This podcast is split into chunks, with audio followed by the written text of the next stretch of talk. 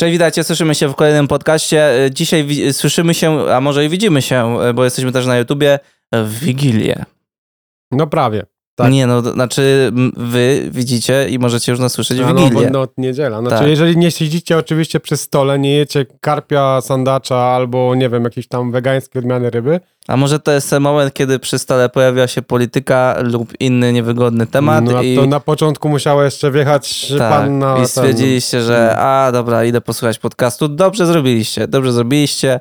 Dlatego e, witamy się. My na przykład ten podcast nagrywamy o 21.37, ikoniczna godzina.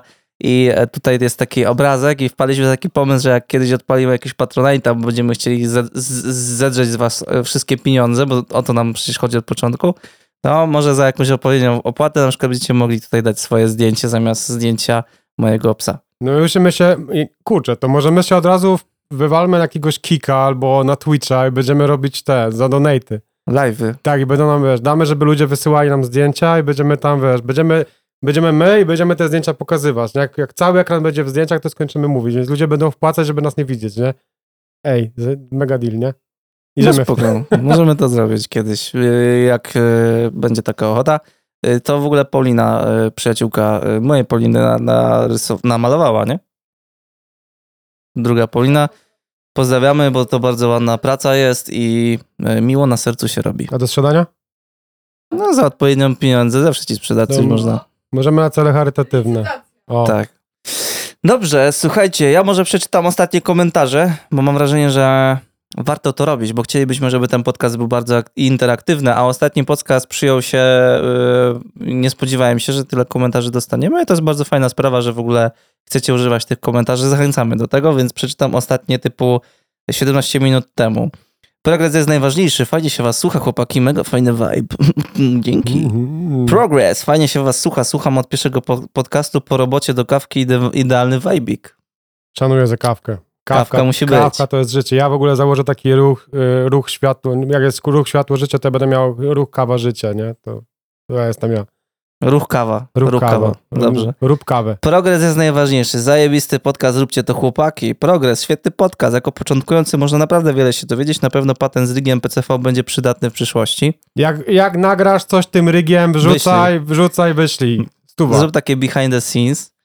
Progres, dzięki wielkie za kolejny fajny podcast. Super odcinek, masa przydatnej wiedzy. Chętnie bym obejrzał wasze filmy z waszych początków. I mieliśmy taki pomysł, mm, ale stwierdziliśmy, że y, nie, nie dałoby się tego trochę słuchać na streamingowych platformach, a szanujemy, musimy szanować każdego, kto, kto chce tak sobie słuchać właśnie na przykład na sraniu, albo raczej po. A faktycznie tacy są ludzie, albo przy kawce, bardziej kulturalnie. Ale tu gdzieś gościu napisał, że o, skończyłem właśnie strać progres. Dariusz Piątkowski. Pozdrawiamy cię, Dariusz. Pozdra- pozdrawiamy, mam nadzieję, że kupa była zdrowa. Ja wpadę na pomysł, ja będę, za, ja, ja, ja pójdę srać z kawą. Połączę dwie No czynności przecież chłopie, co rano to musi być przecież, co ty. Widzę, że już jest praktyka Mm. jakaś. Dobrze, zejdźmy może z takich e, nie do końca e, sterylnych tematów właśnie przy Wigilii. E, pociągniemy trochę temat tych początków, ale w takim kontekście bardzo subiektywnym e, twoich i moich. E, ty z perspektywy już ilu lat w IT? Mm, Teraz, wiesz co, licząc od pierwszej strony, którą kiedykolwiek za gimby nie znają, bo już gimby nie ma. Pierwszą stronę kodowałem w gimnazjum, a lat mam na dzień dzisiejszy, chyba nie powinienem tego mówić, 38. Boomer jak szlak, nie? Ale to już był To czas będzie- taki freelancerski? Tak, pierwszą jakby, to była pierwsza strona, którą zrobiłem, ona była, uwaga, uwaga, z wierszami. Nie oceniajcie, ja lubię. To była, nie wiem, druga klasa gimnazjum. To może w ogóle zacznę od początku, jak to się w ogóle zaczęło u mnie i skąd się to w ogóle wzięło. Bo w bardzo porównywalnym okresie zaczynałem robić zdjęcia i zacząłem kodować. Pozdrawiam moją panią od matematyki. Przyniosła mi płytę CD, taką najtańszego sortu, też szanuję bardzo, z HTML-em. Z pierwszym takim językiem, który można było kodować. Ale co to znaczy, że przyniosła płytę z HTML-em? CD z kursem. Bo nie było dostępu, nie było dostępu do kursów, nie? To był taki Mhm. HTML bardzo, bardzo w ogóle wczesny. I ja przy tym siedziałem. Ja byłem zajawiony strasznie, że coś mi się tam pojawia, jakieś okienka, tam pierdolniki różne, ozdobniki, wiesz, zdjęcie mogę wrzucić i tak dalej. I zacząłem w to grzebać. Zrobiłem sobie pierwszą stronę, gdzie wrzucałem sobie jakieś tam, kiedyś było w ogóle modne, nie wiem, współpracy, teraz na przykład się mówi partnerstwa, nie? A na przykład miałeś zaprzyjaźnionych ludzi gdzieś tam w internecie, którzy też coś publikowali, dawałeś linki, nie? Taki linking wczesny był, nie? Teraz, teraz to wszystko jest zagregowane, słuchajcie, nie? A czy teraz to były są linki do follow? rankingi. Tak, nie było taga do follow wtedy, bo w Nie było, ogóle nie no. było, nie było w ogóle mowy, żeby, znaczy inaczej, no jak wchodził ci jakby teraz wchodzi robot, to sprawdzaj tam idź, tu nie idź, tu zaagreguj, to nie istniało. Google wtedy dopiero raczkowało na dobrą sprawę, nawet wyszukać się w Google było ciężko, bo on agregował jakieś takie wyniki w ogóle znikąd. To było tak bardziej na zasadzie, tak teraz te sieci darknetowe działają. Musiałeś znać adres, ktoś komuś, coś komuś gdzieś. Są dość zamierzchłe czasy. Ja wcześniej się łapałem programowania jeszcze w Delphi. Na dzień dzisiejszy to jest w ogóle język wymarły. Nie będę o tym mówił bardziej z, te, z technicznego punktu widzenia, bo to nie ma sensu. E, natomiast to był 15 lat miałem wtedy, więc tak powiedzmy zaczynałem 20 lat temu mniej więcej, nie? A tak korporacyjnie rzecz ujmując, no to myślę, że gdzieś na pewno ponad 10 lat to już będzie. Ale to 20 lat temu i już mia- i sobie freelansowałeś tak aktywnie, czy... Nie, nie, nie. To wiesz co, jakby, znaczy ciężko, ciężko to nazwać w ten sposób. To było na takiej zasadzie, że ja, ja to powiedzmy wchłonąłem, zrobiłem pierwszą stronę, przyszłem pochwalić się mojej pani z matematyki, że zrobiłem taką, a taką stronę, podałem jej adres, ona się pewnie połączyła na modemie, nie? Tiru, tiru, riru, nie? Płacąc 3 zł za godzinę, wtedy internet był cholernie drogi, bo 700-800 zł była wypłata, 3 zł za godzinę. Możecie sobie przeliczyć wypłaty na godziny w internecie, nie?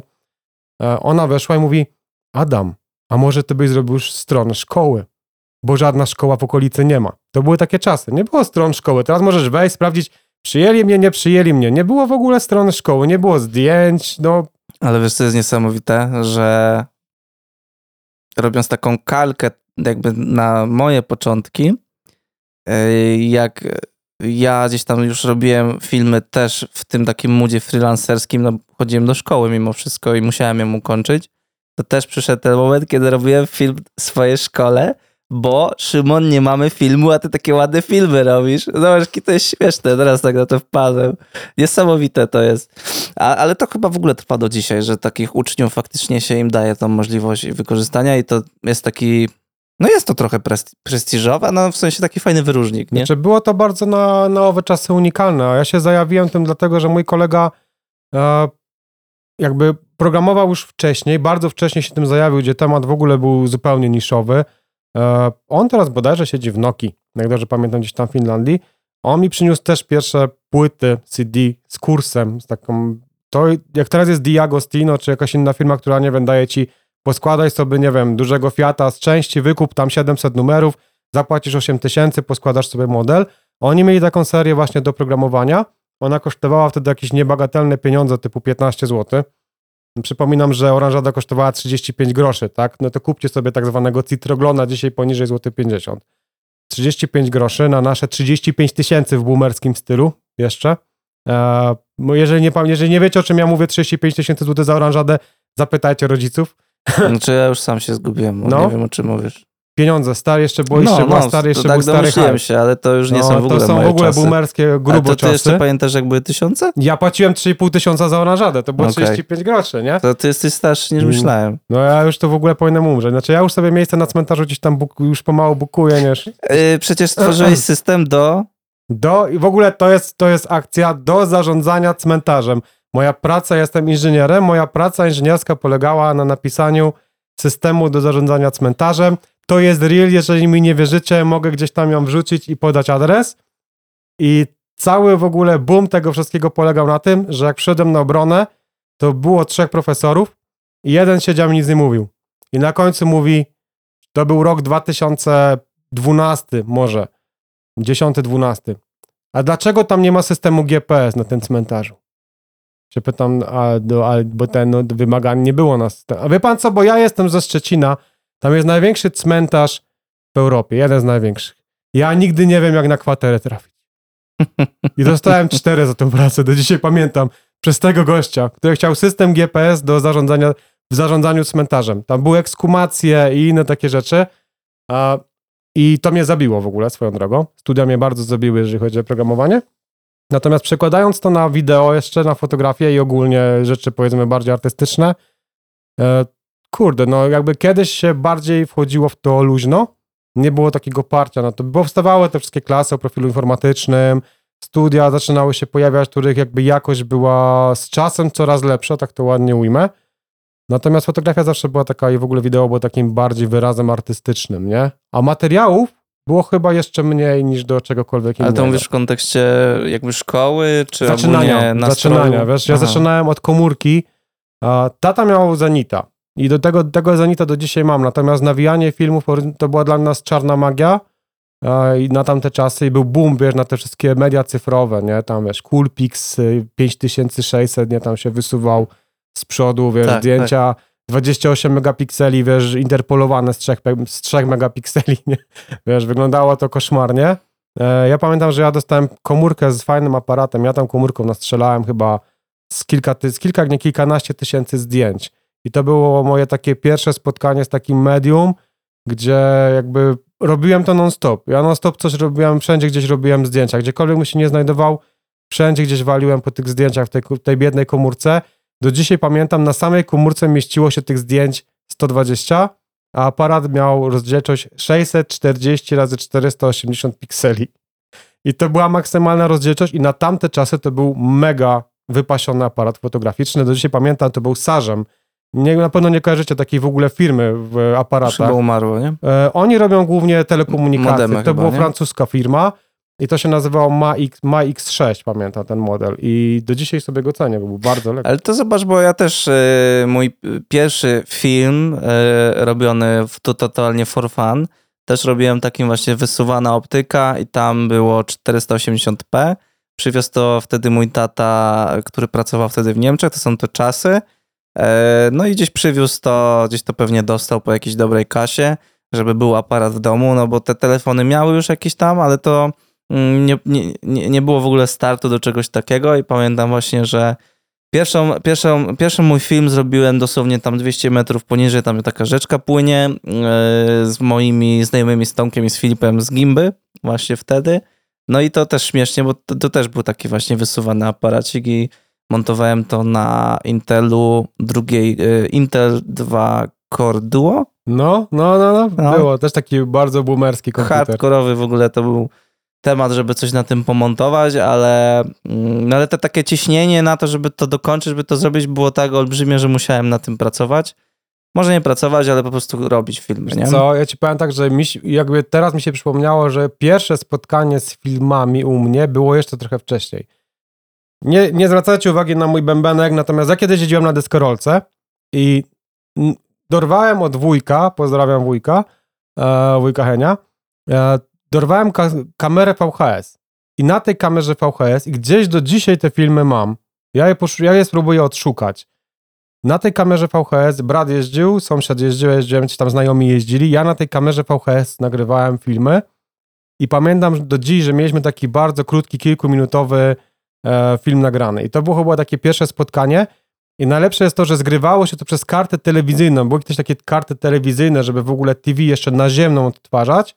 I tam się dało zgrać jakąś rozdzielczość typu 320p i to się montowało. Ja do dzisiaj, ja to montowałem w, Jezu, gra z Wally, jaki, jaki program ma gra z Wally? Edius.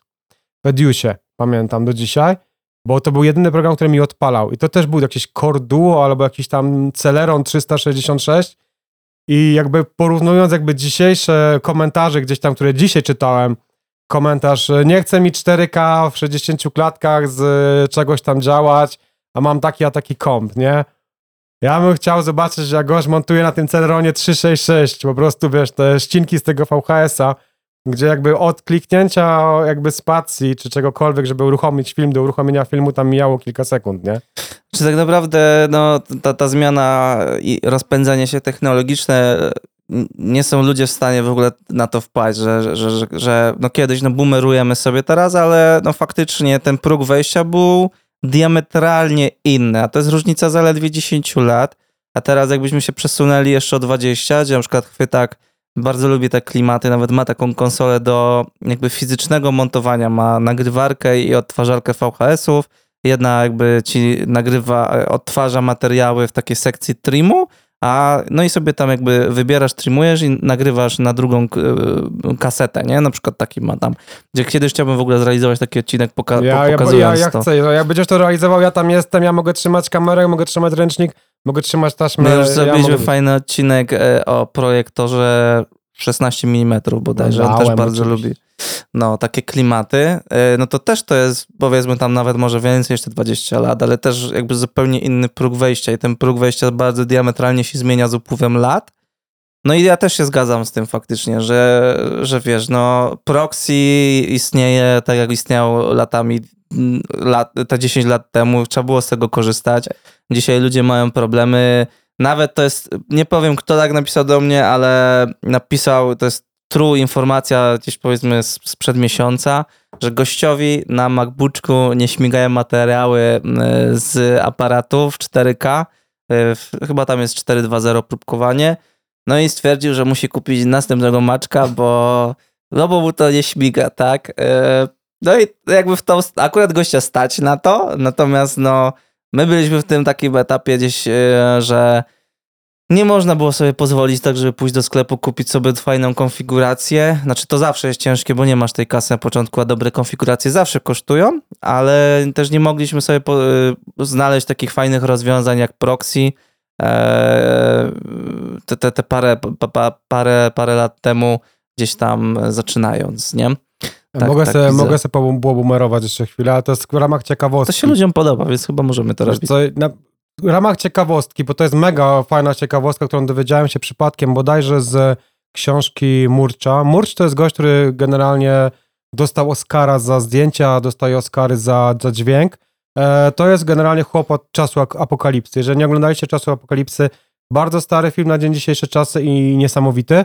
E, ja myślę, że kiedyś do niego jeszcze wrócę ogólnie, bo tam jest fajny właśnie boomerski takie info na zasadzie ile czasu trzeba było poświęcić na montaż, bo to nie były miesiące, tylko lata. E, natomiast pierwszym systemem, a propos proxy, bo do tego się chcę odnieść, e, takiego stricte, powiedzmy, pseudo-proxy, e, wymyślił LucasArts. To jest ten od Gwiezdnych Wojen, czyli jeżeli jak wyszły Gwiezdne Wojny, oni zaczęli troszeczkę na tym zarabiać i LucasArts zrobił sobie studio, które zajmowało się tylko i wyłącznie stricte montażem. I na tym montażu wymyślili sobie swój własny system, który nazywał się Android. I najlepsze w tym wszystkim było to, że on miał, to było pierwsze studio cyfrowe i pierwszym filmem w ogóle zrobionym w filmie jakby w domenie tylko cyfrowej były Gwiezdne Wojny część pierwsza, gdzie, gdzie były pierwszy raz użyte takie stricte blue screeny. Nie? Dlatego te blue screeny są bardzo słabe na dzień dzisiejszy, jeżeli obejrzycie tą część, czyli Mroczne Widmo. Natomiast ciekawostką tego systemu było to, że on był pierwotnie cyfrowo-analogowy. I to działało w ten sposób, że jakby rzeczy, które widziałeś, były, mogłeś wybierać jakby szoty z poziomu cyfry, czyli widziałeś w bardzo, bardzo niskiej rozdzielczości, bo to jest temat 25 lat temu, czyli miałeś bardzo niską rozdzielczość, ale miałeś podgląd sceny. I ten system sobie, wiedząc, jaką scenę patrzysz i chcesz ją wyciąć, rolował ci taśmę i szukał tego miejsca, w którym to Mhm. jest na taśmie i miałeś podgląd całego szota. A, Czyli takie kejcze trochę, jak są tak, dzisiaj. tak. I ten system potem, z tego co pamiętam, to z tego Androida potem wyrósł chyba Avid. Jeżeli dobrze pamiętam. Nie chcę was skłamać, nie daję za, za to głowy uciąć, natomiast wiem, że całe to studio przekształciło się potem w kolejne programy, w kolejne inwestycje i ostatecznie Pixar Studio, które dzisiaj należy do Disneya, jest od, tak naprawdę od LucasArtsa, czyli od gości, którzy robią e, coś Star Wars. z IMAXem, że też podobne zasady działania jakby No. edycji w IMAXie? Tam też Znaczy- są jakieś popieprzone rzeczy na zasadzie w ogóle jakby kino 3D, a IMAX to są w ogóle jakieś inne techniki, które są zastosowane, dlatego w kinie 3D jakby ten obraz jest czasami rozmyty i nie, nie, nie działa tak fajnie, natomiast w tym półodłym IMAXie jest mega ostry. Jeżeli nie byliście nigdzie, nigdy w IMAXie na 3D i macie problem z 3D do dzisiaj, bo to jest taka technologia, która miała boom z dwa lata i Mhm. znikła, idźcie do IMAXa. Gdyby więcej ludzi chodziło do IMAXa i widziało, jak filmy w IMAXie 3D wyglądają, to jest sztos. Ja po prostu dwoma rękami, że ja bym mógł iść na Gwiezdne Wojny, jestem fanem, sorry. No, a widziałem Gwiezdne Wojny w 3D. E, gdybym mógł to zobaczyć w IMAXie, to bierzcie mój hajs. Ja, ja po prostu biorę, wykupuję wszystko, co leci po kolei i idę, bo wrażenie jest niesamowite. IMAX to jest po prostu Mi się sztos. strasznie na TikToku podoba, jest taki gościu w USA sobie siedzi, ma y, w projektorowni, y, ma sobie właśnie telefonik rozłożony i pokazuje na przykład jak się szykuje na, na projekcję filmu y, typowo właśnie IMAXowego, no taka no, olbrzymia rolka, jak to tam wszystko nawija i, i łączy takie nie, bardzo niedostępne tematy, bo tak naprawdę cięż, ciężko jest tam jakkolwiek wejść w takie, żeby pooglądać to na żywo, z tym takim swoim naturalnym amerykańskim luzem i opowiadaniem o tym, dlatego mi się to bardzo, bardzo lubię to oglądać. No i mega, mega, mega to wrażenie robi. Coś, coś niesamowitego. No, yy, ja chyba nie byłem jeszcze na IMAXie takim. Dla nas chyba w Katowicach jest najbliżej? Tak, tak. Kiedyś był Tak jeszcze w tru. Krakowie, w Krakowie go chyba, nie wiem czego zamknęli, bo tam całą galerię wyburzyli, tą galerię Plaza, gdzie był IMAX. Oni to przenieśli, nie wiem czy z Krakowa nie zniknął, chyba najbliżej Katowice u nas, więc tak godzinka drogi, nie? Trzeba się jednak zebrać. No, to tam nie jest jakoś daleko. No ja byłem pierwszy raz na przykład na Pandy w 3D, nie? Mhm. Bo, bo nie wiedzieliśmy z czym to się je i poszliśmy na taki przyrodniczy. W ogóle super film o wypuszczaniu takich pand, wiesz, z zoo Mhm. do dziczy, nie? I potem GPS, że tam chodzą za tą pandą, żeby tam się jej, nie daj Boże, nic nie stało. W ogóle mega, tak żeśmy siedzieli, wow, pandy, nie? Pandy są w ogóle fajne, nie? Więc Ja y, natomiast moje początki, że jeszcze rozwi- rozwinę temat z mojej perspektywy, no to właśnie ten pierwszy film z, z chłopakami i tam poczułem taki naturalny dryg, że to jest to. Y, To był drugi dryg w życiu, w sensie takiego, że chciałbym coś robić. Pierwszy to była perkusja, tam jak miałem 6-7 lat, to, to są te same uczucia, które się wygenerowały. Y, No i potem właśnie jakoś poszło w szkole, gdzieś tam jakieś teledyski dla jakichś lokalnych ziomeczków, bo chyba najszybciej to było robić, bo, bo to byli rówieśnicy, każdy z nich chciał wtedy teledysk.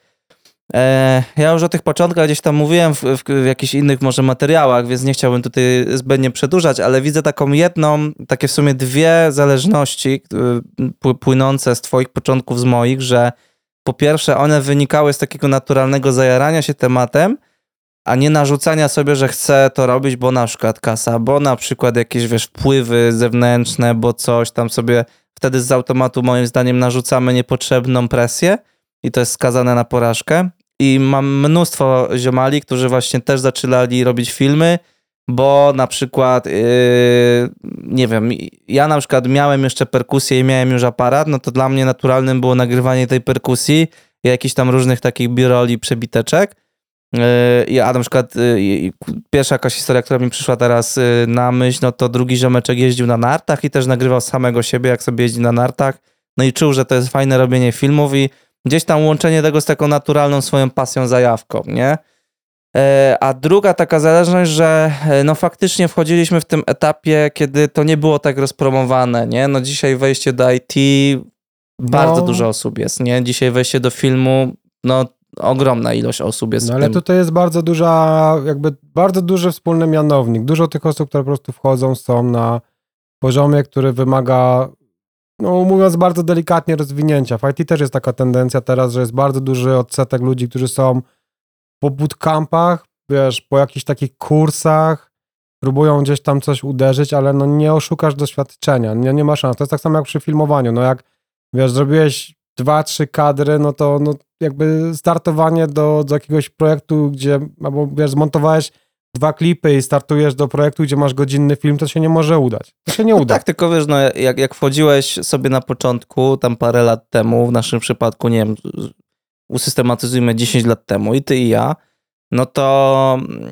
wiesz, no wchodziłeś i wokół ciebie może było, nie wiem, 10 ludzi w regionie, którzy zajmowali się na podobnym levelu tym, może przesadzam, ale mo- może było ich więcej, ale taka skala, a dzisiaj wchodząc, ty chciałbyś wejść w IT, ja bym chciał wejść w filmowanie, wokół nas jest 150 Znaczy, ludzi. wiesz, z jednej strony ten poziom wyjścia faktycznie 10 lat temu był prostszy, bo nie było tyle konkurencji, mówiąc najprościej. No tak. Natomiast jakby skala jest teraz większa, ale z drugiej strony dostępność materiału jest też większa, nie? Znacznie, znacznie, znacznie. Teraz jak masz ten właśnie tak mówisz, naturalny dryg do tego i potrafisz jeszcze konsekwentnie dążyć do celu, to jesteś w stanie znacznie szybciej, moim zdaniem, wyprodukować dobry film i zostać dobrym programistą niż wcześniej. Dlatego, że tych materiałów brakowało, nie? Bo Że jest łatwiej się nauczyć czegoś. Strasznie, wiesz, zawsze możesz zapytać, nie? Możesz wejść na filmujemy, możesz poglądać, nie wiem, twoje, strzelam, wiesz, twoje YouTube i tak naprawdę, wiesz, jeżeli ktoś by siadł i oglądał całe twoje 4 lata, to jest bogatszy o wiedzę, którą się zdobywało, wiesz, w ciągu miesiąca zepnie wiedzę, którą się zdobywa przez 3, 4, 5 miesięcy. I nie musi kupować kursów żadnych od nikogo. Nie kupujcie, oglądajcie filmy od początku, tam wszystko jest. Ale z programowaniem było bardzo, jest bardzo podobnie teraz, nie? Dlatego, że jeżeli ja nawet, jeżeli ja, ja nawet coś potrzebuję na dzień dzisiejszy, będąc na jakby seniorskim stanowisku, ja bardzo często wchodzę na YouTube'a, nie? Bo zawsze się znajdzie ktoś, kto już to gdzieś tam przerabia, nie? A przedtem tego nie było w jakiś tamkolwiek sposób, to wszystko jakby raczkowało. Więc jakby, kurczę, no są plusy i minusy tego. Ja nie mówię, że teraz jest lżej. Absolutnie nie jest lżej, bo jakby wtedy mogłeś wejść, zrobić taki, powiedzmy, cokolwiek na poziomie średnim i tak tego materiału był na, było na tyle mało, że on gdzieś tam się jeszcze próbował przebić. Na dzień dzisiejszy, jak nie masz materiału od razu do takiego, wiesz, przynajmniej wysokiej, na wysokim poziomie, na wysokiej półce, to on się po prostu rozchodzi po kościach i on prawie nie istnieje, nie? Znaczy, nawet jak masz, wiesz, fajny materiał, to samo przebicie się przez całą resztę, tutaj, wiesz, dopięcie różne algorytmy, odpowiednie tytuły, no najłatwiej jest mi to zobrazować, że do mnie naprawdę wiele osób podchodziło, jak już na event jakiś pojadę, to już miałem parę takich ludzi, którzy mówią, Szymon, nagrywam bardzo fajne filmy i widziałem je, na przykład fajne roleczki, takie ładne aestheticsy, wizuale, i nie idzie, bo widzę, że na przykład jakiś głupi debil, który tam, wiesz, drze mordę do telefonu, ma na przykład 150 lajków, a ja mam 10, nie? I ludziom się wydaje, że są przez to, y, że, że robią są, go- złe rzeczy. że są gorsi, nie? Gorsi, że robią nie? brzydkie rzeczy. Nie, nigdy tak nie myślcie. Po prostu taki jest aktualnie świat.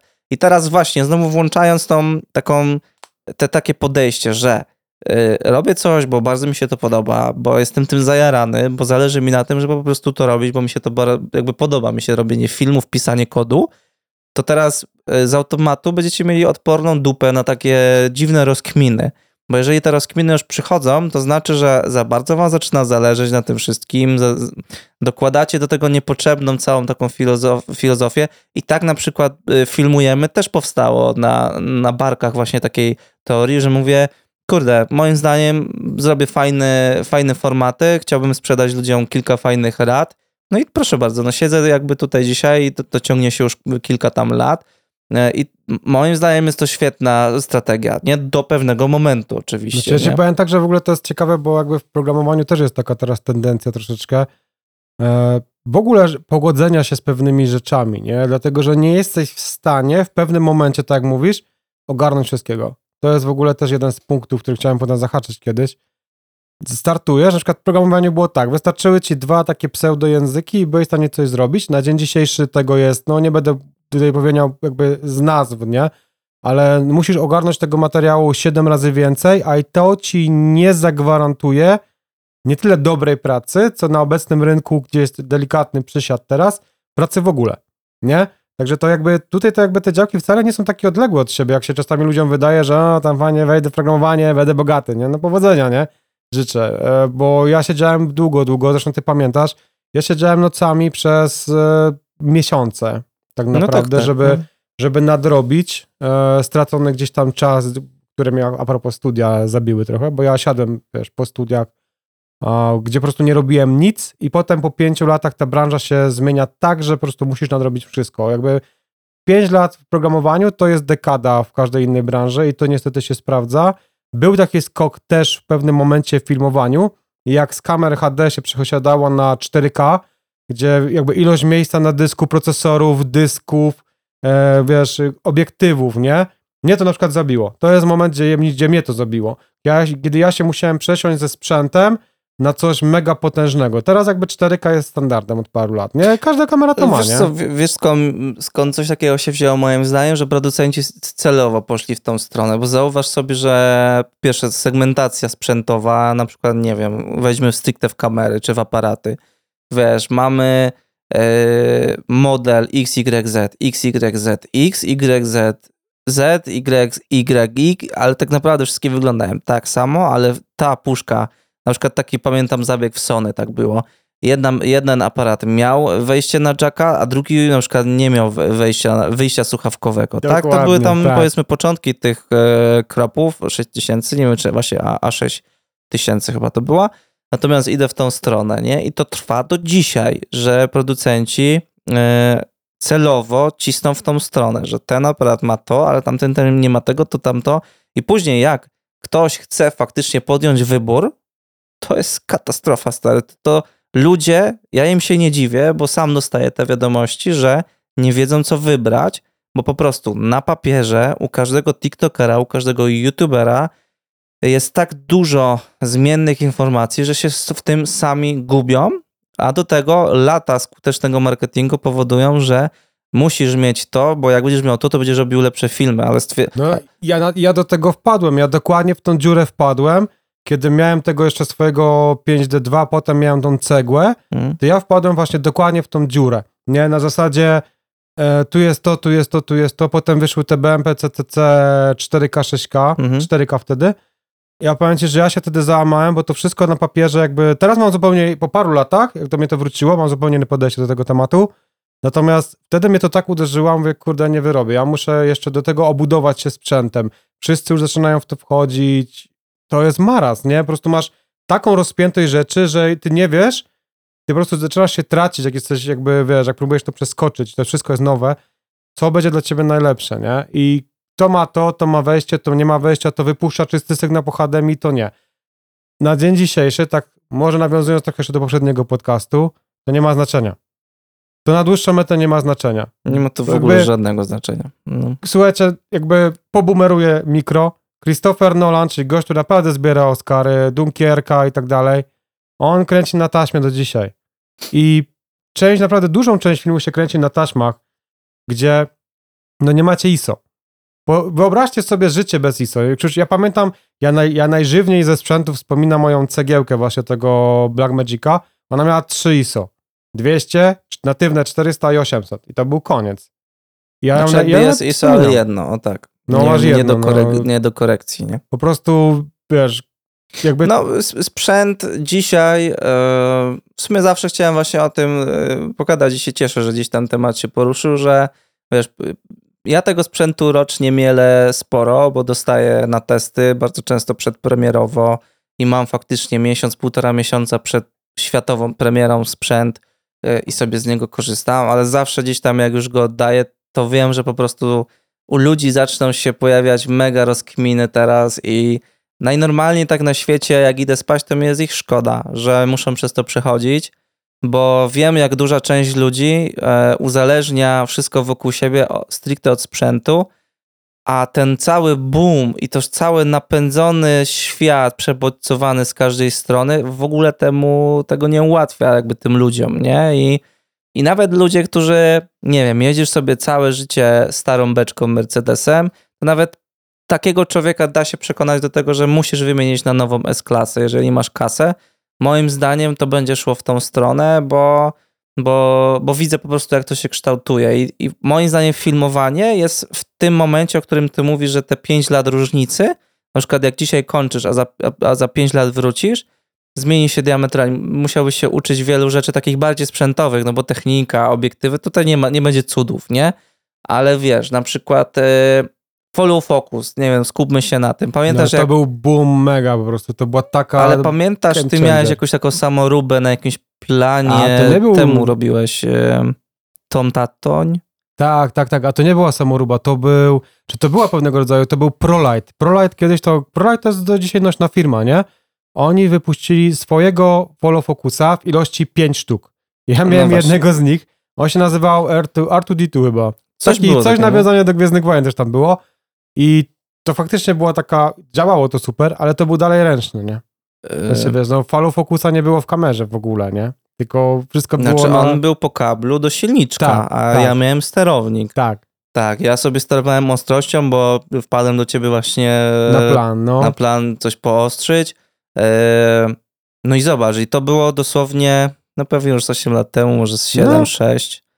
To dzisiaj masz za 1200-1100 zł taki od e, Tilty, taki Taki mikrozestaw. malutki, nie? Mikrozestawik, czy DJI dorzuca ci już silniczki, pokrętło Znaczy, że to masz. trzeba powiedzieć, że ten, że jakby ten cały system to był wielkości tej szklanki, nie? To No po to było prostu ważyło, nie? To duże. Strasznie sterownik był taki, do tego przychodziła bateria, tam był NPF z tyłu. Tak. To dzisiaj dostajecie taki, No po, po kabeleczku, po USB-C to leci, No. nie? No i zobacz, czy zatrzymałeś się wtedy, wracasz dzisiaj. No i myślisz sobie, kurde, muszę, muszę wyrzucić No tutaj tak. ósemkę, nie? Bo na przykład zobaczysz duży zestaw od Tilty, od Nucleusa, a ten Nucleus jest teraz zmieszczony w takim zestawie tam powiedzmy za 1500. Mogę się mylić, ale jakby taka, taka różnica, czy kupisz DJI i tak dalej i tak będzie ze wszystkim. Cage, wszystkie klatki, ilość firm, która produkuje teraz pół klatki, klatki, do każdej klatki możesz sobie super akcesoria ale zobacz teraz, wiesz, zobacz jaki jest teraz próg wejścia. Jakby każdy, kto oczekuje od ciebie, że będziesz nagrywał, to albo będziesz umiał się obchodzić z autofokusem, albo będziesz się umiał obchodzić z takim fokusem i na pewno go będziesz miał. Kiedyś jak ty miałeś fokusa na planie, nawet takiego ręcznego na korbkę, ja już nie mówię o automacie, nie, bo to był wtedy show, show ciał, nie? Taki zwykły na korbkę, gdzie się dawało znaczniki, nie, na nim, Mhm. wiesz, jak się kręciłeś, to już było wow, patrz, polo, ma No to był taki trochę wyznacznik e, No, pro. rig był, nie, zbudowany z fokusem ręcznym z przodu, kurde. No ale widzisz, Ale myśmy... myśmy... dążę, dążę do tego, że tego się trzeba teraz nauczyć, jakby od startu, jeżeli ty chcesz w ogóle wejść na jakiś poziom, nie? Jakby bez tego, jakby no, ludzie cię czasami spisują trochę na stratę, nie? Jeżeli ty nie umiesz się z tym obchodzić, nie? Na, dłu- No ale na przykład metę. korzystam z autofokusu wbudowanego. To jest i... okej, ale musisz nadal umieć się z nim za, zagadać, nie? A, no, No. no, trochę Musisz, tak, no. musisz ogarniać, kiedy on ci ostrzy, jak ci ostrzy. Ty dostosowujesz czasami wręcz kadry do się go. tego. No dokładnie, nie? A wiesz, no kiedyś to się robiło, no, tam F8, nie? Wszystko ostro, nie? Nie, teraz, że jak najmniej musi być bu- pięknie rozmyte. No, Trudno, jest nietrafiona ostrość, trudno. Chodzi o to, że ładnie wyglądało piękna głębia ostrości. I tak się robiło filmy i, i to jest piękne po, po latach. Em, fantastyczne nawet bym powiedział.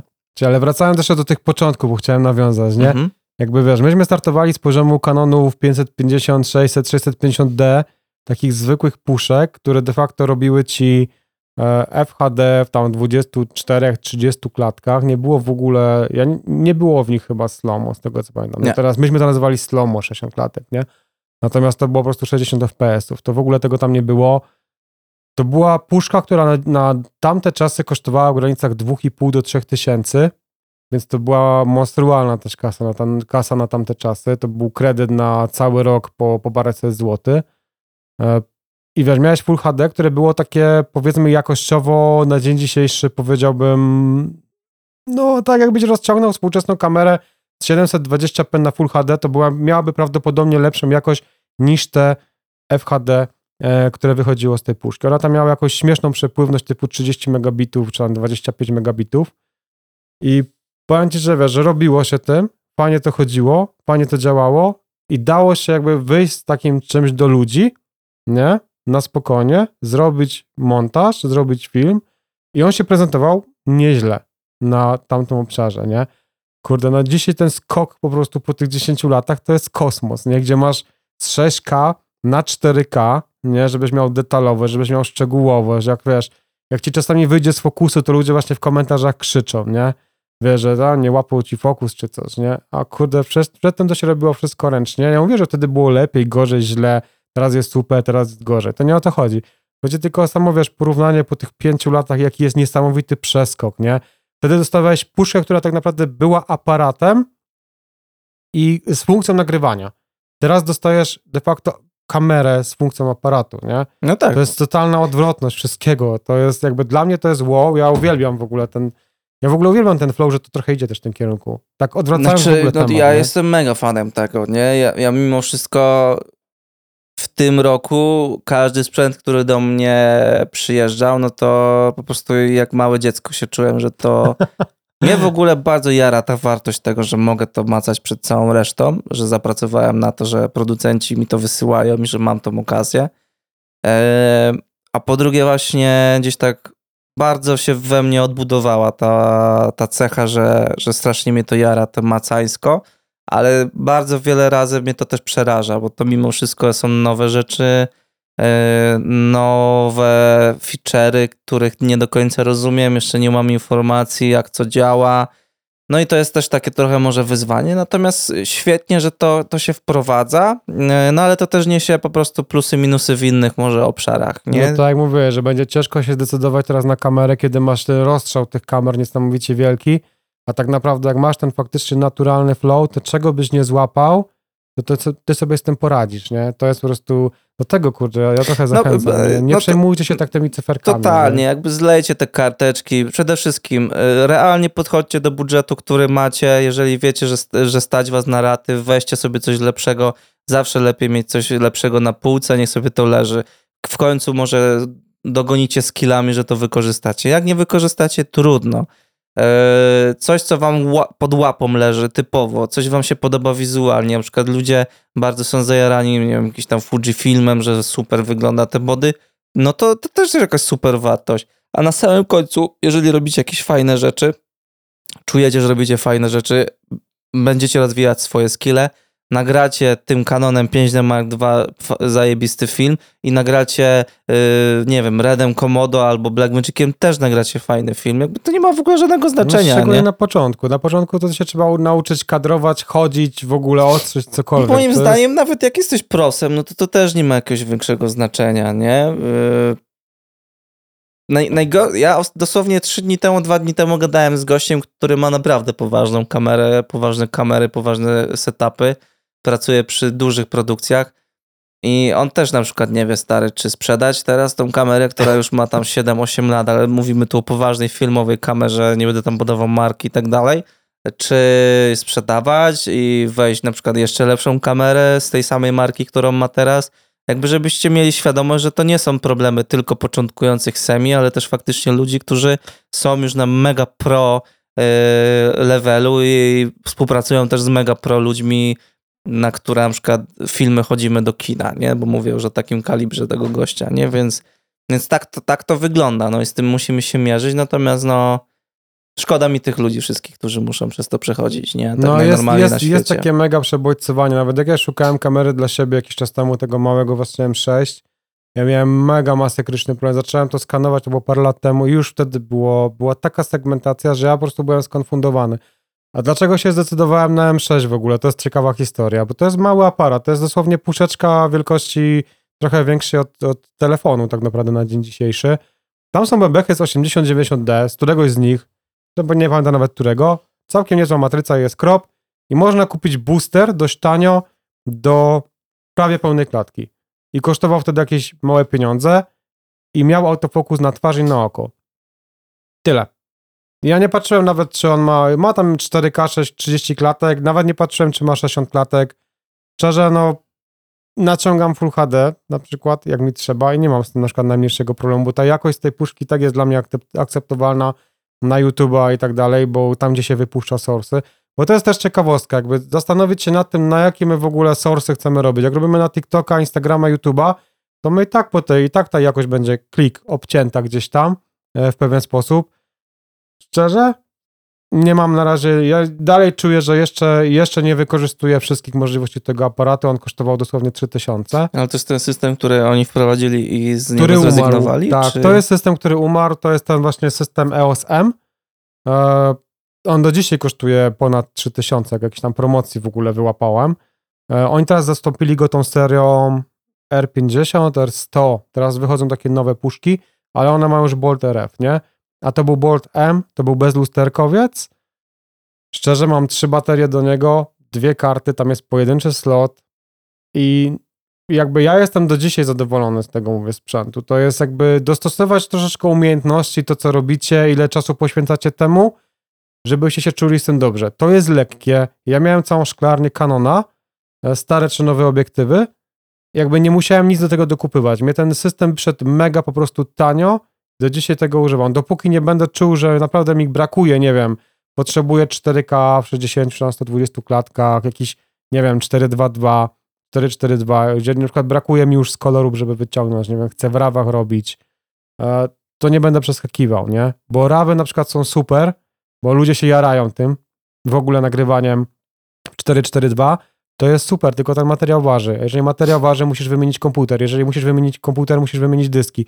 Ostatnio miałem taką sytuację przy, właśnie przy klipie, przy klipie Marity, tym, który jest tam przy, przy Stridulum, e, akurat z tym przeskoku, jakby mówiąc tutaj o takim stricte przeskoku, tam część scen była nagrywana przez e, bardzo fajną wideografkę, fotografkę z Francji, bo tam jest na gitarze Manu, to jest w ogóle fit y, gość, gitarzysta z To jest z ten klip z Francji. takim czarnym tłem? tak, z tym czarnym. To, to Bardzo jest ogólnie fajne. w czarnym studiu. Tam jest w ogóle super studio, w ogóle czarne Bardzo tło mi się wszędzie. światło tam podoba. E, I to jest głównie natural. W ogóle Mhm. naturalne światło. Tam jest głównie, głównie zrobione, tylko wiadomo, Aha, ścięte. czyli nie zrobiłeś światła, tylko po prostu wyaliście, Mm. kto by to światło robił? No. Znaczy, nie, no dobra, jest, dość, jest doświetlenie, jest światło oczywiście dostosowane, czyli jest ścięte, bo było bardzo ostre, więc żeby Mhm. ten klimat zachować.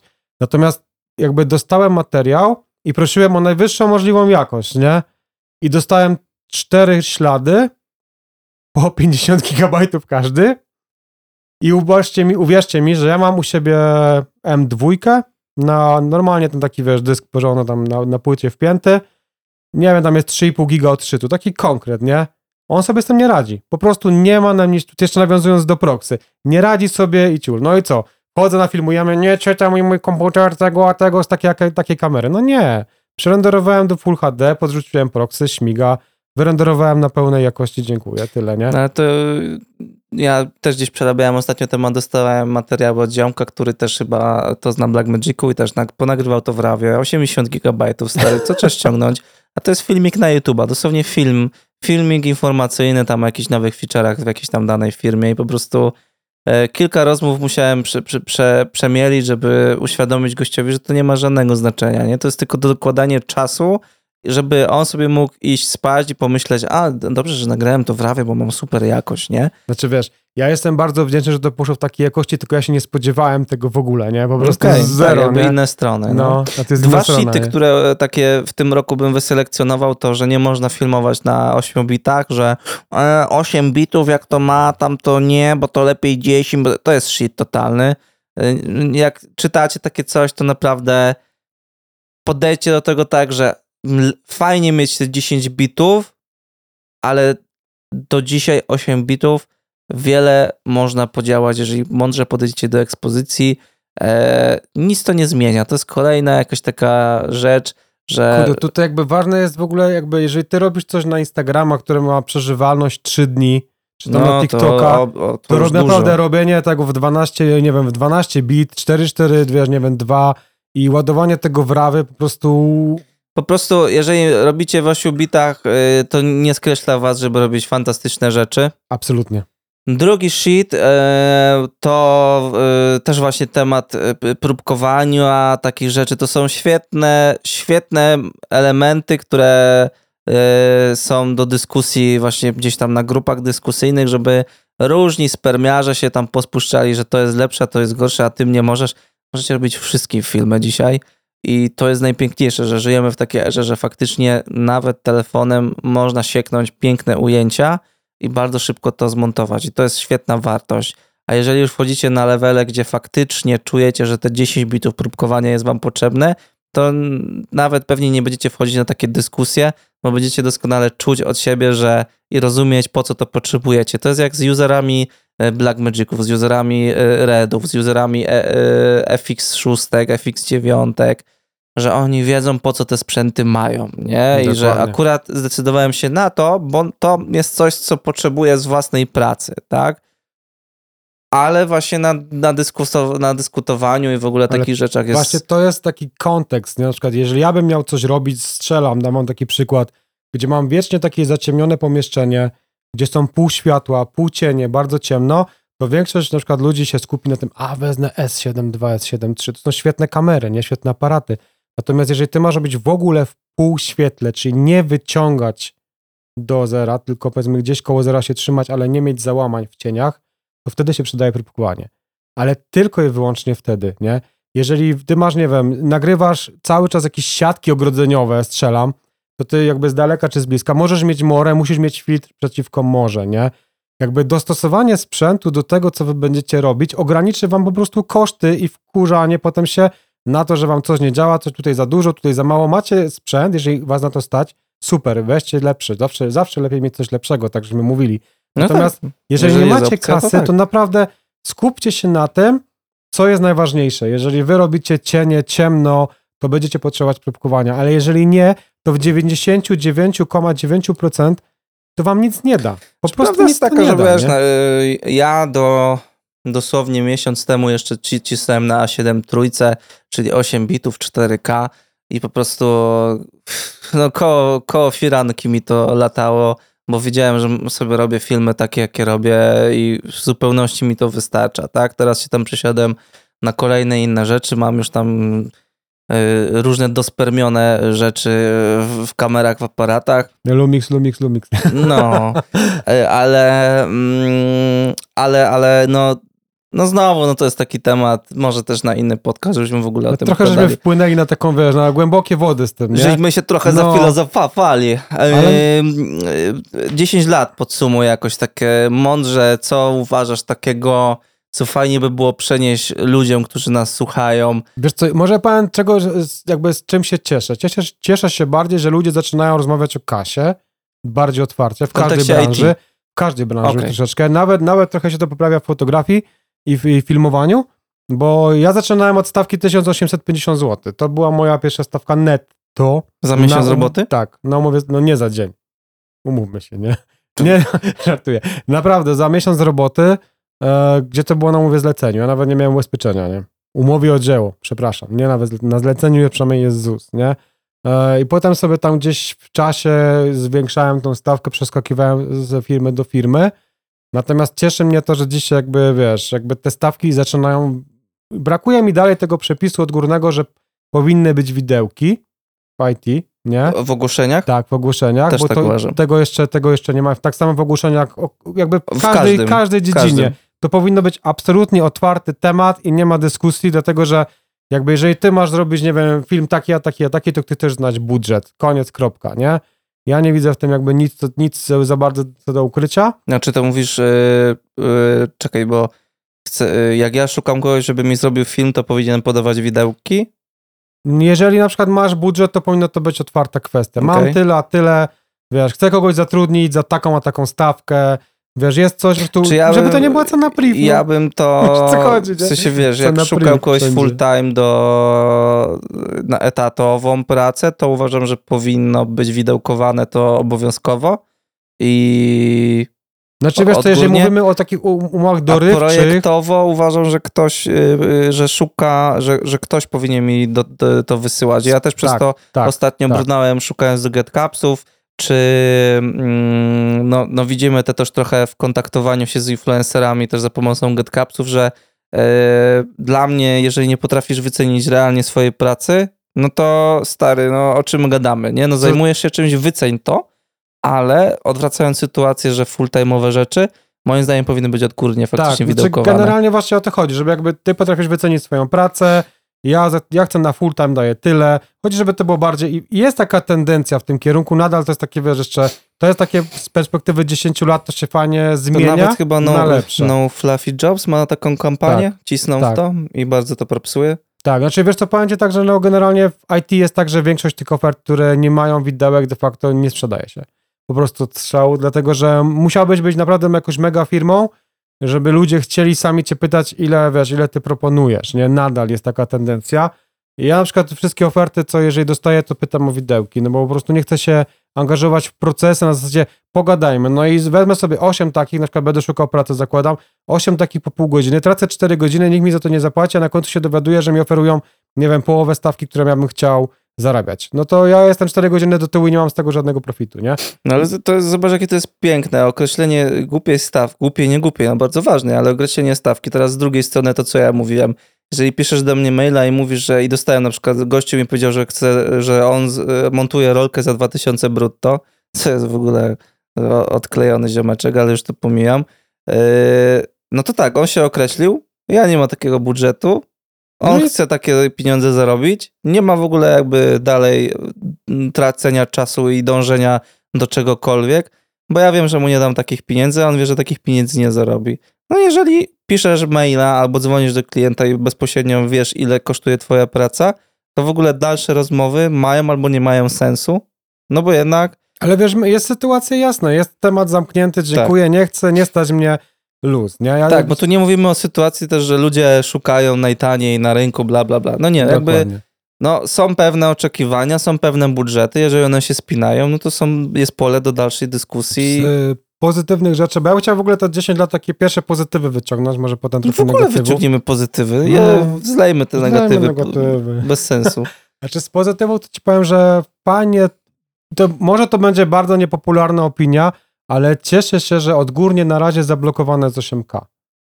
Bo ja jestem techniczną osobą, 4K to jest mega duża przepustowość, nawet jak jest upakowana. Jeżeli teraz producenci by zaczęli wypuszczać 8K, wszystkie kamery, wszystko by poszło do 8K, do 12K, do 16K i jakby dla sieci, dla przepustowości sieci, storage, dysków, procesorów, może byłby to jakiś szybszy progres, ale z perspektywy technicznej to jest takie obciążenie 8K. 8K to jest dalej 4 razy więcej, a 16 razy więcej jakby niż e, ten. Nagrywa tam to?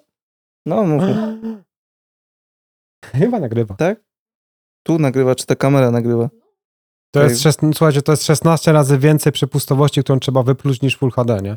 To jest masakryczna ilość. To jest niepopularna opinia, ale cieszy mnie, że to się trochę zas- zastopowało, bo jakby producenci też mieli trochę czasu. Teraz jest mega ten zasób, tak jak mówiliśmy, tych aparatów, ale mimo wszystko, wiesz, widać tą taką tendencję do robienia matryc 4K, 6K i dopracowywania ich, nie?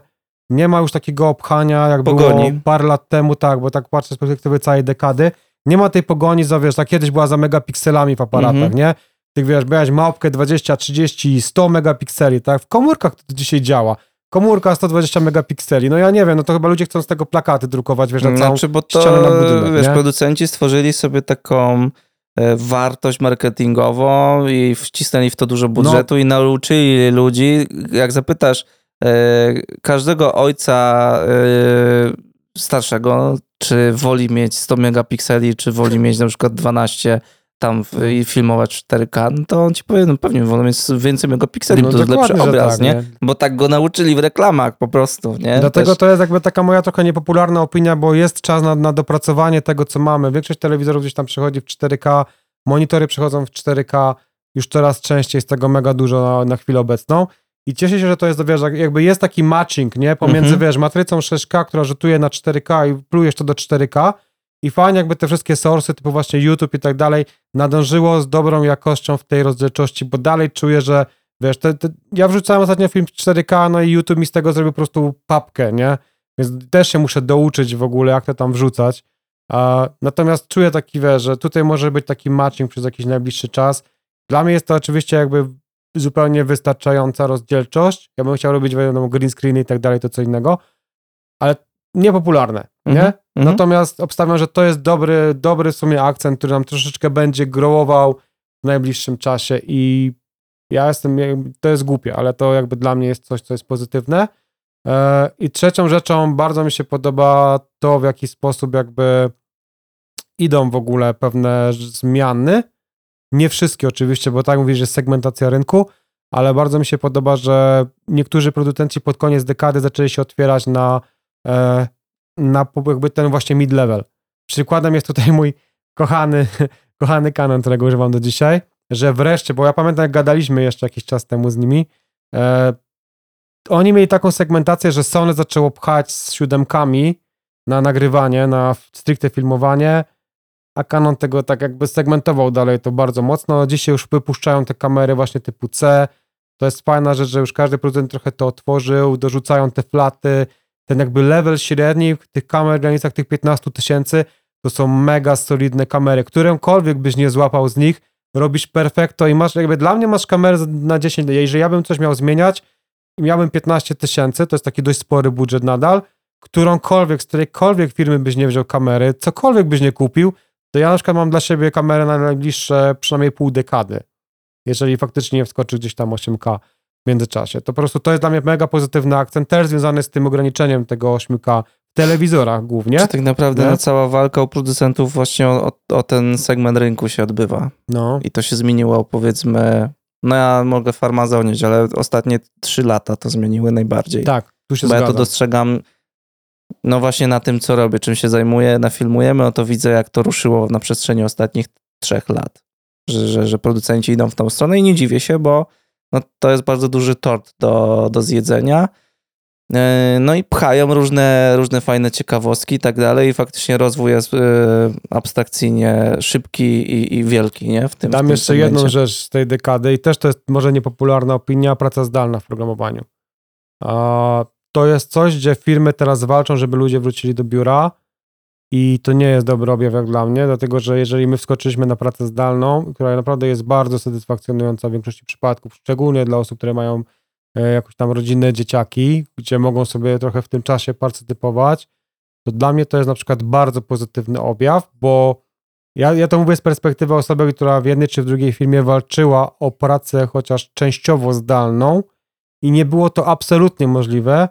I tutaj przez nieszczęsną pandemię między innymi udało się to uzyskać z automatu i na przykład dla mnie jest to po prostu coś, co jakby z poziomu takiego programistycznego jest bardzo satysfakcjonujące, dlatego że ja jestem osobą, która jest ekstrawertyczna w pewien sposób, ale często się męczy otoczeniem, nie?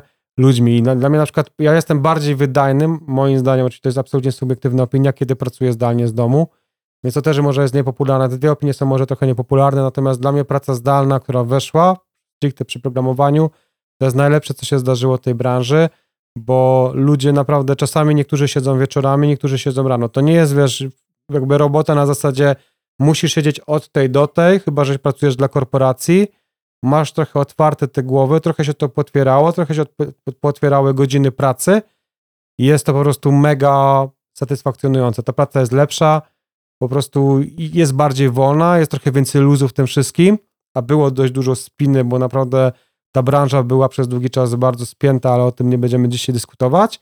Także to jest takie troszeczkę otwarcie się. Niektóre, niektóre firmy nawet pozamykały biura. I jest, taki, jest taka tendencja do pytania tych zdalnych pracowników, czy chcecie w ogóle wracać? I to też jest bardzo fajny objaw, bo tego wcześniej nie było. Jeżeli firma mówi, że no niekoniecznie, to firma pozbywa się biura, nie? Więc jakby win-win situation. Nie płacisz za biuro, nie płacisz za sprzęt, wszyscy mają wszystko w domu. Spotykamy się na Wigilice i paru imprezach firmowych, które są i tak tańsze niż wynajem biuro dla, nie wiem, dwóch setek osób, nie? Więc to jest jakby taki z perspektywy programisty dobry objaw. Dobra, e, oddaję ci głos. Twoje, ja dałem cztery, dawaj, przebijaj. Cztery Dekada. zalety ostatnich 10 lat? No, takie bardzo ogólnikowe, ale i bardzo subiektywne jak dla mnie. To chyba, że ludzie y, nabierają większej świadomości, w sensie edukacja w ogóle poszła do przodu. No i to nie, niezależnie, czy, czy ta wiedza darmowa, e, że jakby już nie rozkminiam, że tego jest trochę za dużo moim zdaniem i są gdzieś tam przebodźcowani, ale mimo wszystko są bardziej świadomi, że faktycznie są rzeczy, które są ważne, które nie są ważne, że, że, że są na przykład takie podcasty, że mogą posłuchać gdzieś tam y, doświadczonych ludzi to, to, jest, to jest świetna sprawa, nie? że no, gdzieś jak myśmy zaczynali, nie było czegoś takiego. Nie, nie mogę sobie posłuchać dwóch gości, którzy mają taki bagaż doświadczeń totalnie za darmo, jadąc autobusem, czy sobie kończąc właśnie kupsztala. I to jest coś, co, co, co uważam za, za mega wartość, nie? że tak to się rozwinęło. E, no ten rozwój sprzętowy też jest bardzo atrakcyjny i, i, i dałbym to jako zaletę, że faktycznie mm, dużo fantastycznych rzeczy możemy dzisiaj kupić w dosyć rozsądnych pieniądzach i, i pracować tym naprawdę z dnia na dzień. E, trzecia rzecz, którą bym podał, e, którą jeszcze, co bym tam jeszcze takiego znalazł? Cała dekada, pamiętasz, masz do dyspozycji, chłopie, 2005 powiedzmy. No właśnie to nie ułatwia tak naprawdę. Nie ułatwia, no nie. nie. ułatwia, nie ułatwia. E, wiesz co, może taki rozwój w ogóle e, jakby filmowania w kontekście, że nie trzeba robić dużych budżetów, pracować na dużych budżetach, dużych klientów, tylko można robić sobie, wiesz, fajne filmy dla lokalnych firm, firemek i, i z tego się utrzymywać dużo dostałem takich wiadomości na przestrzeni całego filmujemy, które też w tej dekadzie się zmieściło, że, że, że goście, wiesz, mają dom, rodzinę i sobie żyją z filmu, e, ale wiesz, robią nazwijmy to małe rzeczy w kontekście tych takich dużych planów, gdzieś tam, wiesz, pełne, nie musisz mieć filmówki okończonej, przy, przebrnąć przez parę lat lizania dupy na planach, tylko możesz kupić po prostu sprzęt i przy przeciągu półtora roku, jak jesteś sprytnym gościem, rozwinąć swoją małą markę i sobie robić fajne powiem filmy ci, i zarabiać. Ci, to, jest, to, jest w ogóle, to jest w ogóle mega akcja, o to nie pomyślałem. W ogóle market. Jak bardzo rozwinął się tak. market, jakby świadomość ludzi, że jakby mamy firmę, mamy coś tam, potrzebujemy, wiesz, jakby ilość ludzi, którzy filmują to raz, ale ilość ludzi, którzy potrzebują, żeby ktoś tak. wykonał mi taką pracę, to market to, to jest po prostu Wow, też włączyłbym do ziemia. tego y, rozwoje takich bardzo niszowych tematów typu są dzisiaj profesjonalni montażyści youtuberów. To nie jest już temat do wstydu. Wiadomo, znajdzie się Janusz, Januszek, tam jeden, drugi będą się spinać. Ale jakby zlewamy takich ludzi, każdy ich nie zlewał. Mamy profesjonalnych montażystów, youtuberów. Są goście, którzy full time montują. Ja oglądam te odcinki, na przykład, nie wiem, oglądam Pateca, yy, który jest tam po rozłamie ekipy Freeza i tak dalej. Gościu świetne materiały na przykład robi. I tam by można było jeszcze wymienić pewnie innych twórców. To są, i znam też częściowo tych montażystów, są młodzi, kreatywne ziomale, którzy po prostu jarają się i spełniają się w tej branży. Powstają całe takie mikropiony, tylko pracujące przy produkcji dużych twórców internetowych, że jakby w ogóle porozwijały się takie nisze, niszeczki, tu, w których naprawdę są fajnie wyspecjalizowani ziomale, którzy robią fajne po prostu rzeczy i się w tym spełniają, jeszcze na tym trzepią kasiurę, nie? No nie ma chyba nic lepszego, tak? I to jest fajna rzecz. Czy nawet jakby filmujemy jako, patrząc na mm, kategorie powiedzmy na YouTubie, to takich filmujemy też się porozwijało trochę na rynku, mniejszych, większych, to jest też uważam coś fajnego, nie? I yy, może to zabrzmieć, wiesz, jakbym był burakiem, ale każdy, jak już tutaj dotrwał, to chyba już wyczaił, że nie jesteśmy burakami. Cieszę się, że mogłem taką cegiełkę dołożyć e, do tego, żeby dzisiaj inni też mogli robić takie rzeczy, jak filmujemy, że, że, że mogłem trochę to rozwinąć też i pokazać producentom, bo przechodziłem przez ten etap, że ej, jakby mm, twórcy internetowi, youtuberzy też są dla was fajni, dla was jako marketingowa wartość. Do tego też dołożył super cegiełkę Adrian Killar, do tego też dołożył super cegiełkę JK, e, Jordan Coman i pewnie jeszcze kilku gości, którzy mam nadzieję się nie obrażą, ale teraz mi akurat tak to przyszło. Zawsze chciałem o tym powiedzieć, ale zawsze miałem takie problemy, że ktoś może pomyśleć, że jestem jakimś kurwa bufonem, e, egotopem, ale na pewno znajdzie się dużo ludzi, którzy po prostu nie wpadną na to, że no nie jestem burakiem, no po prostu nie muszę tego gdzieś tam udowadniać, wystarczyło przesłuchać ten podcast. Także to jest fantastyczne. E, czwarta rzecz, czy coś bym jeszcze znalazł takiego?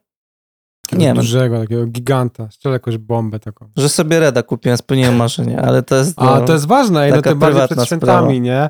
No, ale to jest mega ważne, to wiesz, to chodzi o to, wiesz, jakby jeżeli kupiłeś Reda, to znaczy, że jest market, znaczy, że było cię na niego stać, nie? Znaczy, Więc... wiesz co, ja w ogóle znalazłem się w takiej pozycji swojego życia, gdzie nigdy nie sądziłem, że będę o tak. I no czasem naprawdę jest to coś wspaniałego po prostu móc y, kupić sobie rzeczy, o których marzyłeś, nie? I nieważne są pobudki, skąd to się wzięło, bo, bo u mnie to było bardzo takie, że gdzieś tam złapałem na planie Reda i widziałem w tym obrazku coś i mówię, muszę mieć tego Reda i tyle. No i po trzech latach go miałem i mam do dzisiaj. E, ale w ogóle no właśnie fantastycznie jest się spełniać w tym tak w pełnych płaszczyznach, że nie wiem, kupiłem sobie samochód, który chciałem sobie kupić, mam go do dzisiaj. E, kupiłem sobie kamery, które chcia, chciałem kupić, mam obiektywy, które też zawsze chciałem kupić. Jakby jestem w takim położeniu, że nie muszę się z niczym gonić i to jest fantastyczne, a najpiękniejsze, że to wszystko jest wypracowane dwoma rękami filmem. To nie jest tak, że ganiam po 10 etatach, tutaj sobie coś porobię, tu coś, tylko że faktycznie mogę codziennie mieć swoją głowę, zanurzoną e, w takim baseniku tylko i wyłącznie z filmem, nie? No i to, to też uważam za fajną wartość. Może takie czwarty, no to jest gigant w sumie, no bo to odnośnie mojego życia, no to, to też jest gdzieś tam takie fajne, nie? A czego byś życzył e, na 2024? Nie, no takie oficjalne życzenia. No życzenia są, no Wigilia jest, no to złożyłbyś jakieś, czego, czego byś jakby życzył tej branży, w ogóle ludziom w tej branży, co powinno być lepsze, nie? W sensie, co by się powinno zmienić, żeby było mega już, tak grubo? E, życzyłbym, żeby wszyscy toksyczni ludzie e, przestali być toksyczni, żeby zrozumieli, że to oni są toksyczni, a nie cały świat, bo to zmieni diametralnie wszystko. E, żebyśmy robili rzeczy, które uważamy, że chcemy je robić i może nie musieli bronić się z tego, ale po prostu e, trzymali się tego. Chcemy robić teledyski muzyczne, to to róbmy. Chcemy robić weselniaki, bądźmy w tym najlepsi i to róbmy. Nie, nie, nie patrzmy na to, co ktoś tam gdzieś tam powie. E, I e, życzyłbym nam wszystkim, no żebyśmy żyli z tego, co robimy, tak na maksa, nie? Żebyśmy play hard, work hard, play hard, czy coś takiego. Coś die, die hard. No jakby ciężko pracujmy, ale też miejmy tą szansę sobie gdzieś poodpoczywać e, i żebyście nie, żebyście mm, wszystkich ludzi, którzy są toksyczni wokół was albo którzy uważacie, że powodują, że nie rozwijacie się tak, jakbyście chcieli, usuwajcie ich ze swojego życia i bardzo szybko zaczniecie robić mega progres. To tak. jest mega rada. Jak tak to się mówi, to, że gdzieś pasujesz, nie znaczy, że to jest miejsce, w którym powinieneś być. To jest bardzo ważne. Jeszcze raz? To, że gdzieś pasujesz, nie znaczy, że to jest miejsce, w którym powinieneś być. No tak, tak. To jest taka cen, cenna rada. No, ale to wiesz, właśnie jak ciśniesz, wiesz co robisz, wiesz, że robisz to dobrze, albo wiesz, że będziesz to robił dobrze, no to y, jak zastosujesz się gdzieś powiedzmy do tego, do tych takich e, tych życzeń, to, stary, to będziesz cisnął po prostu cały czas do przodu, nie? Bo u każdego gdzieś na pewnym momencie znajdzie się po prostu jakiś człowiek, który będzie częściowo na ciebie oddziaływał, albo wpadniesz w jakieś takie dziwne, toksyczne środowisko, albo sam zaczniesz gdzieś tam przejawiać jakieś toksyczne rzeczy. Im szybciej się tego pozbędziemy, tym szybciej będziemy mogli skakać dalej po prostu, nie? Przeskakiwać to. Znaczy to jest w ogóle coś, czego ja bym chciał, że to jest dystans ogólnie do wszystkiego. Nie przejmujmy się za bardzo, bo ja, ja kiedyś, ja kiedyś słuchałem takiego fajnego, nie wiem, czy to był podcast, czy, czy gdzieś to przeczytałem. Za 10, 15, 20 lat ktoś jeszcze nas będzie pamiętał. Za 100 lat albo, będą nas albo ktoś nas będzie pamiętał, bo zrobimy coś historycznego, albo nie będzie pamiętał o nas nikt.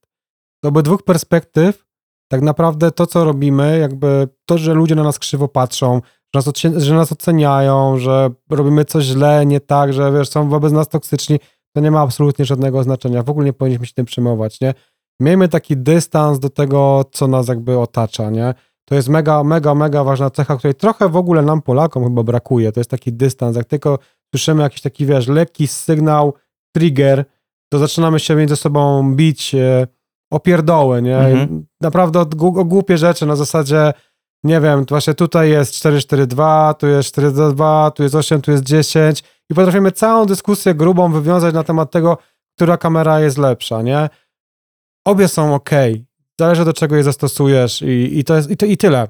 I jakby z- zróbmy sobie taki dystans wokoło, dookoła głowy i tego wam wszystkim życzę. Właśnie, żeby obcinać trochę takie właśnie hejterskie gadanie. Posłuchajcie, co inni mają do powiedzenia, przesiej, prze, przesiejcie to przez własne sito, a potem wyciągcie sobie tego VHS-a gdzieś tam z garażu, tak jak ja robię, pojedźcie na spot samochodowy, bez żadnego gimbala i róbcie takie najazdy z lat 90., bo macie mód na lata 90. Tak. i róbcie sobie takie najazdy, wiecie, że po prostu się zbliża. Nie, że podchodzicie, tylko tak zbliżacie tą kamerę i po Bo prostu cieszcie się ochotę. tym, ciesz, dokładnie, cieszcie się tym po prostu i to jest najpiękniejsze, że macie na to bakcyla, to i na to się znajdą, e, znajdą chętni. Sam wiem, bo kiedyś wypuściliśmy taki film z, z głupia fraz, myślę, jedziemy na spot, rzucę VHS-em, to zrobię, nie? Tak oldschoolowym stylu właśnie, nie? W ogóle bez niczego, tylko z handicama, wrzuty, prawo, lewo, góra, dół, tam przybliżenia. Jaki klimat, ja ci mówię, nie? Naprawdę zrobiło mi się mega miło, nie? To swoją drogą. Ale to, to pokazuje, że jak macie dystans do siebie, do tego, co robicie, to możecie chwycić cokolwiek w rękę.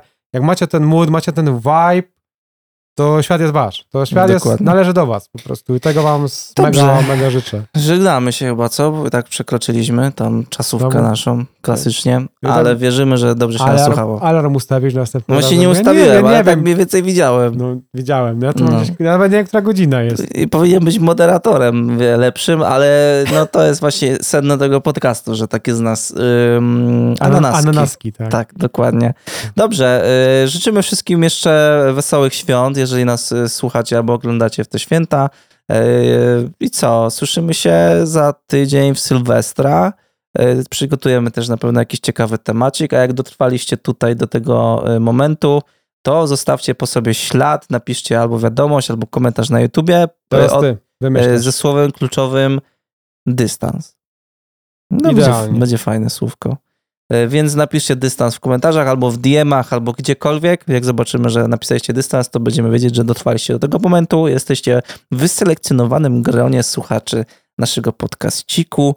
E, No i jak macie jakieś propozycje na kolejne tematy, chcie, chcielibyście coś e, rozwinąć, się dopytać, to śmiało zostawiajcie komentarze, bo chcemy bardzo interaktywnie podchodzić do tego podcaściku. A tak. na Sylwestra będziemy mieć taki, klaruje się taki temat, że będzie toksycznie, tak, że zero dystansu, full toxic. Że wylejemy z siebie tak, toksyczność. wylejemy wszystko, nie no, żartuję. A to musiałem się opić. Żartuję. No nie, nie, nie wolno, na, na, na wizji to nie. To musielibyśmy tylko mieć podcast bez YouTube'a, nie? Będzie tylko gul-gul gdzieś tam. Wiecie, zróbcie gul-gul na Wigilii, życzymy wam pięknych prezentów, Tak. obiektywów, kart o dużej pojemności, aparatów, kamer, Tak. czego sobie zażyczycie. Dokładnie. I weźcie długopisy, jakbyście musieli podpisać niebieską kartę, jakby was stary bił. Co? Co? Dobrze, żegnamy się i y, do kolejnego podkaściku już za tydzień.